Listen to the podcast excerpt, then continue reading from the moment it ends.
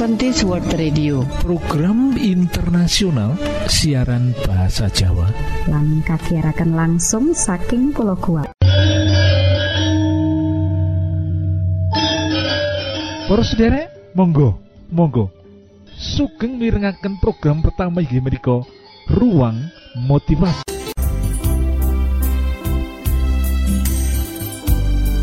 Judul motivasi kita yang waktu iki yaitu anak orang ngerti balas budi. Bagian ketiga. Sing dadi pertanyaan yaiku apa sebabnya ono anak sing ora eling marang kebenciane wong tua. Para sendiri. Salah si jenis rasa loro sing kadang kudu diadepi dening wong tua yaiku deleng melihat anak sing digedhekake kanthi katresnan. Digedhekake kanthi pengorbanan. Dadi anak sing ora ngelingi tidak mengingat kebaikan orang tua. Sepisan maneh salah siji loro ati sing kadang kudu diadepi dening wong tua yaiku ndeleng. Anak kita sing kita wis gedheake kanthi kasih sayang kanthi pengorbanan. Saiki sawise gede menjadi anak yang tidak tahu membalas budi orang tua. Alasan sing kaping telu yaiku ana bocah sing ora eling kebaikan wong tua. Amarga isin marang wong tuane alasane kenapa? Lagi mungkin wae lo mbok menawa Wong tua iku dari golongan ekonomi yang sangat rendah dan tidak tahu bertata krama, malah hidup barangkali hidup yang tidak terhormat. Lah menika main cewek sana sini hidupnya berantakan menjadikan anak tidak atau malu terhadap orang tuanya. Lah menika nanging sakjane alasan apa pun ya ora iso to. Wong tua ya kudu tresnani apa pun to latar belakangnya. Lah alasan sak banjure lho para sederek nanging bisa uga lho bocah sing ora ngerti berterima kasih marang wong tua kaya mengkene iki disebabake mengkene lho para sederek anak merasa sangat-sangat dirugikan utawa tertipu. Lah ini diapusi dening wong tua. Biasane anak ada anak yang diadopsi dan baru mengetahui dirinya itu anak diadopsi sakwise wis gede wis pisah karo wong tua. Jan, wong tua kaya mengkene iki ora mau berterus terang. Anak ora diwenehi informasi sakwise gede, sakwise bekerja baru mengerti yang dewe itu adalah anak yang diadopsi dan anak merasa seperti tertipu. Lah sakwise iku jadi anak sing marah. Lah lan pada akhirnya lah ini pungkasane anak ora gelem cedak karo wong tuane. Lah mula menika yang duwe anak amarga anak adopsi kita kudu terus terang Ojo ngate anak merasa tertipu, opo maneh anak adopsi hidupnya malah menderita setelah diadopsi dening wong tua sing kaya mangkene. Mula saka iku bisa dideleng saka pirang-pirang kasus latar belakang sesungguhnya nggih menika anak itu kurang kasih sayang loh para sederek dari orang tua loh. Apa pun kondisi orang tua yang orang tua itu memberikan kasih sayang yang penuh loh marang putra-putrane lan memberikan pengorbanan sebisa atau sebisa orang tua lakukan anak bisa mengerti loh. Nangin kadang-kadang memang ada orang tua yang seperti menipu anak-anak kaya mengkini iki aki hatinya sakit. Lah mula kita duweni beberapa resep bagaimana orang tua bersikap. Ana telu sing kudu kita sebagai orang tua lakukan yaitu yang pertama sebagai wong tua kita kudu mengintrospeksi diri. Bila anak orang mengingat budi mungkin wae loh iso wae memang tidak banyak yang telah kita berikan kepada anak-anak kita sebagai orang tua.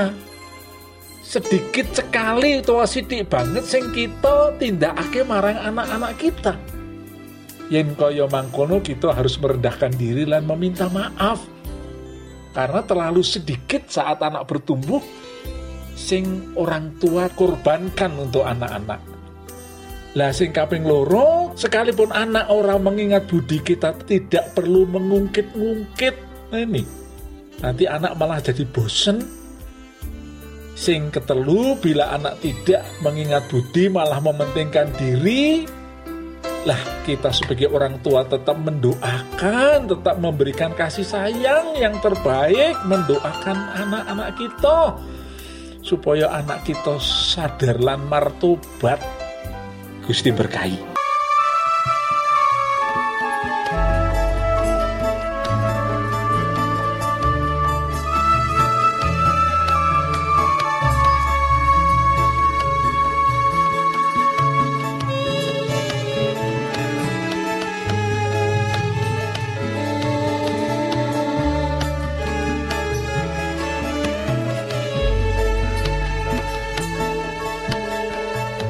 tiene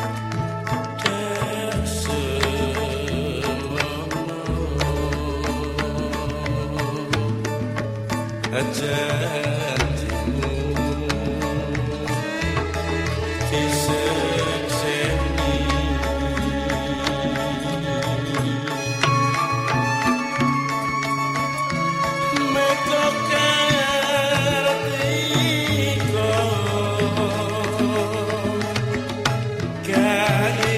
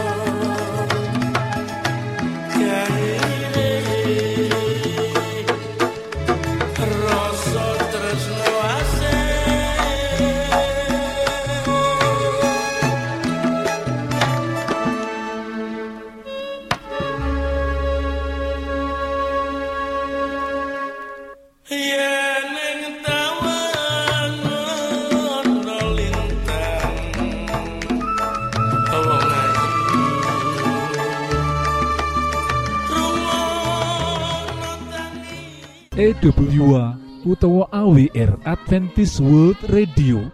Program internasional ing Boso Jowo disiharke langsung soko pulau Guam ing satengah-tengahing Samudro Pasifik. Poros derek Monggo Monggo sugeng mirengaken program kedua inggih menika ruang kesehatan. Salam sehat Gusti berkahi. Sasuwene iki ilat buaya utawa lidah buaya mung dikenal minangka obat basir utawa ambeien lho. Uga obat watuk lan kanggo nyuburake rambut. Kamangka sejatine manfaate ilat boyo luwih saka iku. Ilat boyo miturut hasil penelitian ing Balai Penelitian Tanaman Obat ing Tawangmangu bisa kanggo tombo maneka warna penyakit kayata lara watuk cacingen kulit abuh mergo ketatap radang tenggorokan ngudunake kadar gula darah. Dadi ilat boyo kena kanggo obat diabetes uga lho. Penelitian sing wis ditindakake balai penelitian tanaman obat. Lidah buaya ngandut wolulas jenis asam amino. Wah wah wah akeh banget toh. Ngandut ngandut uga karbohidrat, vitamin lan mineral. Uga ngandut zat antibiotik, anti kanker, anti jamur, antivirus, anti infeksi, anti radang, anti bakteri, antiseptik. Saliyane kuwi ilat boyo utawa lidah boyo ngandung vitamin C, ngandung vitamin E lan ngandung seng dadi lidah buaya ngandung antioksidan kang cukup para sederek. Mergo kandungan zat-zat sing akeh mau ilat boyo ora mung kanggo obat nanging uga kanggo njaga kesarasane awak. Kanggo namengi awak saka sawetara penyakit. Antioksidan uga marakake awak tetep sehat ora gelis tuwa lan ngawekani serangan jantung. Ilat boyo ana lendire sing lunyuh lan rada gatel jenenge zat lignin. Lendir mau duweni sifat merangsang tukule sel-sel anyar. Mula bisa ngganti sel-sel kulit sing rusak marakake kulit alus ora garing lan ora gampang kisut. Dadi kena kanggo gantine pelembab kulit lan marakake awet enom. Saliyane kuwi lignin utawa lignin mau bisa membantu pencernaan luwih lancar. Mula becik kanggo wong sing kerep bebelen utawa sing kerep sembelit lan sing duwe penyakit ambeien wong sing bebelen lan gerah ambeien yen dahar ilat boyo utawa lidah buaya. Saben dina ambeyene iso kempes lho. Miturut penelitian ahli herbal kang pungkasan ilat boyo utawa lidah buaya bisa ngudunake kadar gula darah kang dhuwur lho. Jroning 10 dina dahar ilat boyo dijamin kadar gula darah mudun nanging iki mung kanggo diabetes sing durung gumantung insulin. Mengkono jaminane para ahli herbal. Pancen umume wong ora seneng ilat boyo mergo lendire sing rada gatel mau. Nanging lendir sing lunyu mau bisa diilangi kanthi cara ngumbah ilat boyo mau nganggo banyu sing diwene uyah. Patrap mengkono mau ora nyudo kasihate ilat boyo. Saiki wis akeh lho sing pinter ngolah ilat boyo dadi unjukan sing enak kaya dawet ilat boyo. Sirup ulat boyo lan sapanunggalane mula yen ora bisa ngolah dhewe bisa mundut sing wis siap didahar. Nanging miturut para ahli herbal ilat boyo bakal wutuh kasihate yen digawe dewi lan sakala diunjuk kepriye carane gawe jamu saka ilat boyo? Kanggo loro sembelit utawa bebelen. Ilat boyo setengah papah diuncai banjur dikumbah dirajang cilik-cilik dikum banyu umop setengah gelas yen wis manget-manget ditambahi madu rong sendok dahar diunjuk saampase sedina kaping pindho sabubari dahar. Ambeien utawa wasir. Ilat boyo setengah gagang. Dibuang rine ing pinggir banjur diparut. Dicom banyu umum setengah gelas. Diperes disaring banjur ditambahi madu rong sendok. Anget-anget diunjuk sedino kaping telu sabubari dahar diabetes militus piye to carane gawe obat saka lidah buaya? Ilat boyo utawa lidah boyo sedengan rong papah dibuang rine dikumbah sing resik diiris-iris digodhog karo banyu telung gelas nganti kari rong gelas. Yen wis adem disaring diunjuk sedina kaping telu sabubare dahar saben ngunjuk satu gelas utawa segelas watuk lan panas jeru ilat boyo setengah papah diuncai banjur diiris-iris ditambahi madu sacukupe. Didahar sedino kaping pindo katindakake suwene 10 dina nganti watune utawa watuke waras. Tatu kena panas. Ilat boyo digumbar sik diuncai dicupuk jerone wae ditemplekake ing bagian awak sing kena panas iki bakal duweni khasiat sing ngedap-edapi. Dan bunyikanlah Isa mau datang lagi Nyanyi musafir dan pujikanlah Isa mau datang lagi EWA utawa AWR Adventist World Radio. Program internasional ing Boso Jowo disiharke langsung soko pulau Guam ing satengah-tengahing Samudro Pasifik. Persederek ing wektu sing iki monggo kita siapkan hati kita kangge mirengaken firman Allah. Datang lagi, datang lagi, Isa mau datang lagi. Sawijining dina nalika Sang Prabu Yudhistira ameng-ameng menyang alas, dadak ana manuk sriti sadumpil sing arep dimangsa dening sawijining naga. Manohi kahanan kaya ngono, nata ngamarta kang yekti sugih welas lan asih marang sapepadaning tumitah mau rumangsa ora tegel. Naga adigung, dene kowe mentolo bakal mangsa manuk saipit iki. Apa to lupute? Pitakone Sang Prabu marang Sinaga. Prabu Puntadewa, aja nyaru wuwus melu-melu urusan kang dudu urusanmu. Yekti dudu urusanku nanging nyelametake sarta ngayomi uripe sapepadaning tumitah iku dadi kewajibanku. Minangka jejering ratu aku duwe Mas Picis Raja Brana. Mula culna manuk kuwi. Prabu Puntadewa, aja sesongaran kowe. Najan wujudku naga, aku iki ratu kang binatara. Mula aja pamer kasugihan ing ngarepku. Apa maneh kowe uga sawijining raja? Mestine kowe uga hambek welas asih marang sesamining tumitah. Ning kowe ora lan malah dak sia marang titah kang tanpa daya. He Prabu Puntadewa. Tinimbang kowe dadi pepalangku, aku rila ngeculake manuk iki sauger kowe gelem ngijoli. Oh ngono. Lah mbok iya, aran ana bae apa kang kok pilih dadi ijoli manuk iki?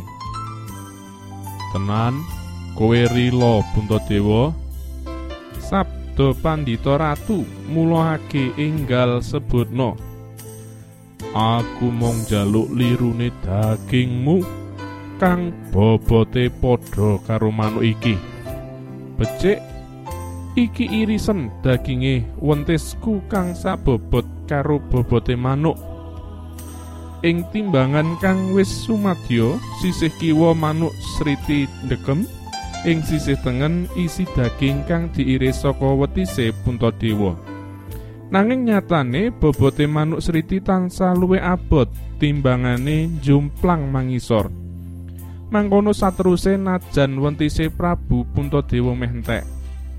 Kaelokaning kelakon ora watara suwe naga mau badar dadi Betara Darma dene si manuk dadi asu klangenane Dewa Linuwe Wosing cerita Puntadewa lulus ing pandadaran kanggo nodi sepiro gedene asih katresnane marang sesamaning tumita.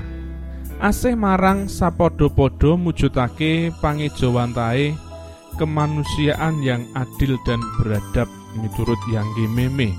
Ananging sedulur kang kinasih ora mung pangejawantahe kemanusiaan yang adil dan beradab ananging iku uga mracih naning takeran karohanining manungsa.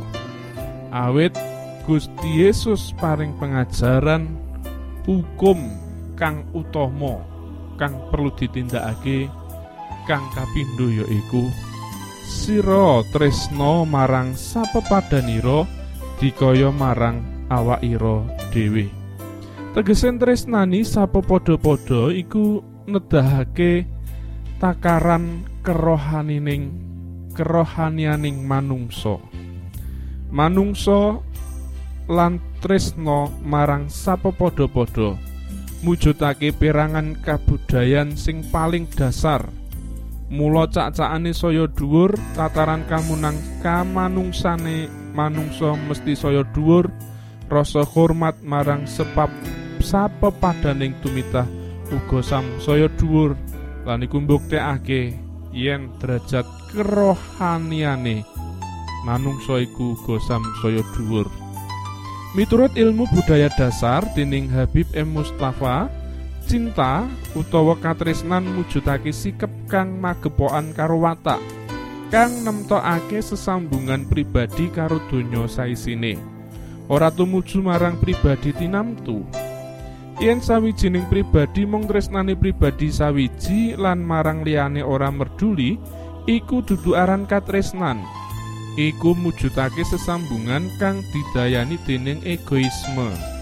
Mula iku ing jagat iki ana warna-warna wujude katresnan, yaiku katresnan paseduluran, katresnan ibu marang anak-anake, tresno asmara, tresno marang diri pribadi sarta katresnan marang Gusti Allah. Laing babakan budi pakarti kang dirembuk mligi bab katresnan paseduluran utawa tresno kang tumanduk tumrap sasesamaning manungsa. Jroning bebrayan luwih becik manungsa siji lan sijine duwe sikep utawa rasa sumadulur. Tegese kabeh manungsa dianggep sedulure kang tandane padha srawung kanthi supeket mat sinamatan jroning patembayatan kang rukun gotong royong tulung tinulung adoh saka watak candala sarta drengki lan srei. Jroning bebrayan kang linambaran paseduluran mestine adoh saka cecongkrahan kang tundhone nuwuhake bing binget laraning ati apa maneh klarani raga awit sing siji nganiaya marang liyane Apa gampang mujudake urip mangkono? Beres wae ora gampang. Nanging yen saben manungsa ngrumangsani yen uripe ing donya ora bisa izin, lan tansah gumantung marang pitulungane liyan, mestine padha nglenggana yen urip kang mulya iku urip kang rukun. Margo Pangeran Allah uga paring sabda, ora prayoga yen manungsa iku ijen bae. Mula Allah netahake ana ing urip bermasyarakat kanthi lembaga kang paling dasar yaiku keluarga utawa pernikahan. Mangkono uga kita iki kasebut show on politikon kang tegese makhluk sosial kang ora iso urip dhewe. Kita mbutuhake pitulungan liyan. Kita merlokake bantuan ning liyan. Kita mbutuhake katresnane liyan.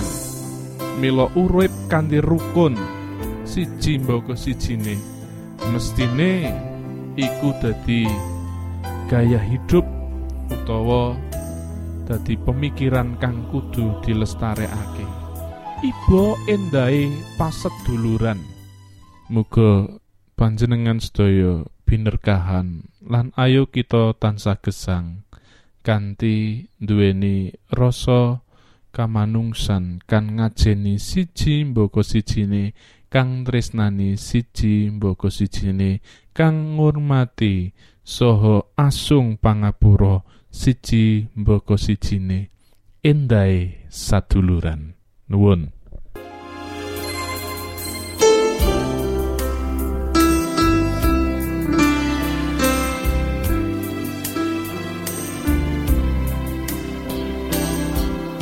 Sutresno ingkang kinasih kula aturaken mbanuwun sanget. Dene sampun nyuwun kawigatosan panjenengan sedaya mugi-mugi menapa ingkang kita aturaken wonten manfaatipun kagem panjenengan sakeluargi lan Gusti Allah tansah paring ayo mugi kasugengan kagem panjenengan sedaya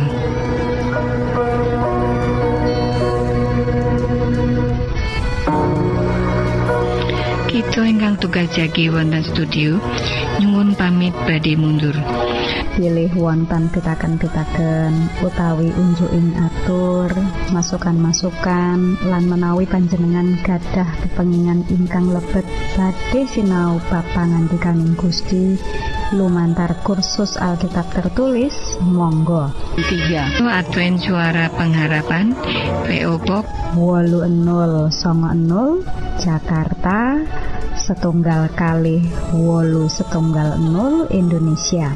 Panjenengan saged mlebet jejaring sosial kawulo inggih menika Facebook pendengar radio Advent suara pengharapan utawi radio Advent suara pengharapan. Saran-saran pitaken ugi tanggapan panjenengan tansah kawula tenggo. Lan saking studio kula ngaturaken bumi panuwun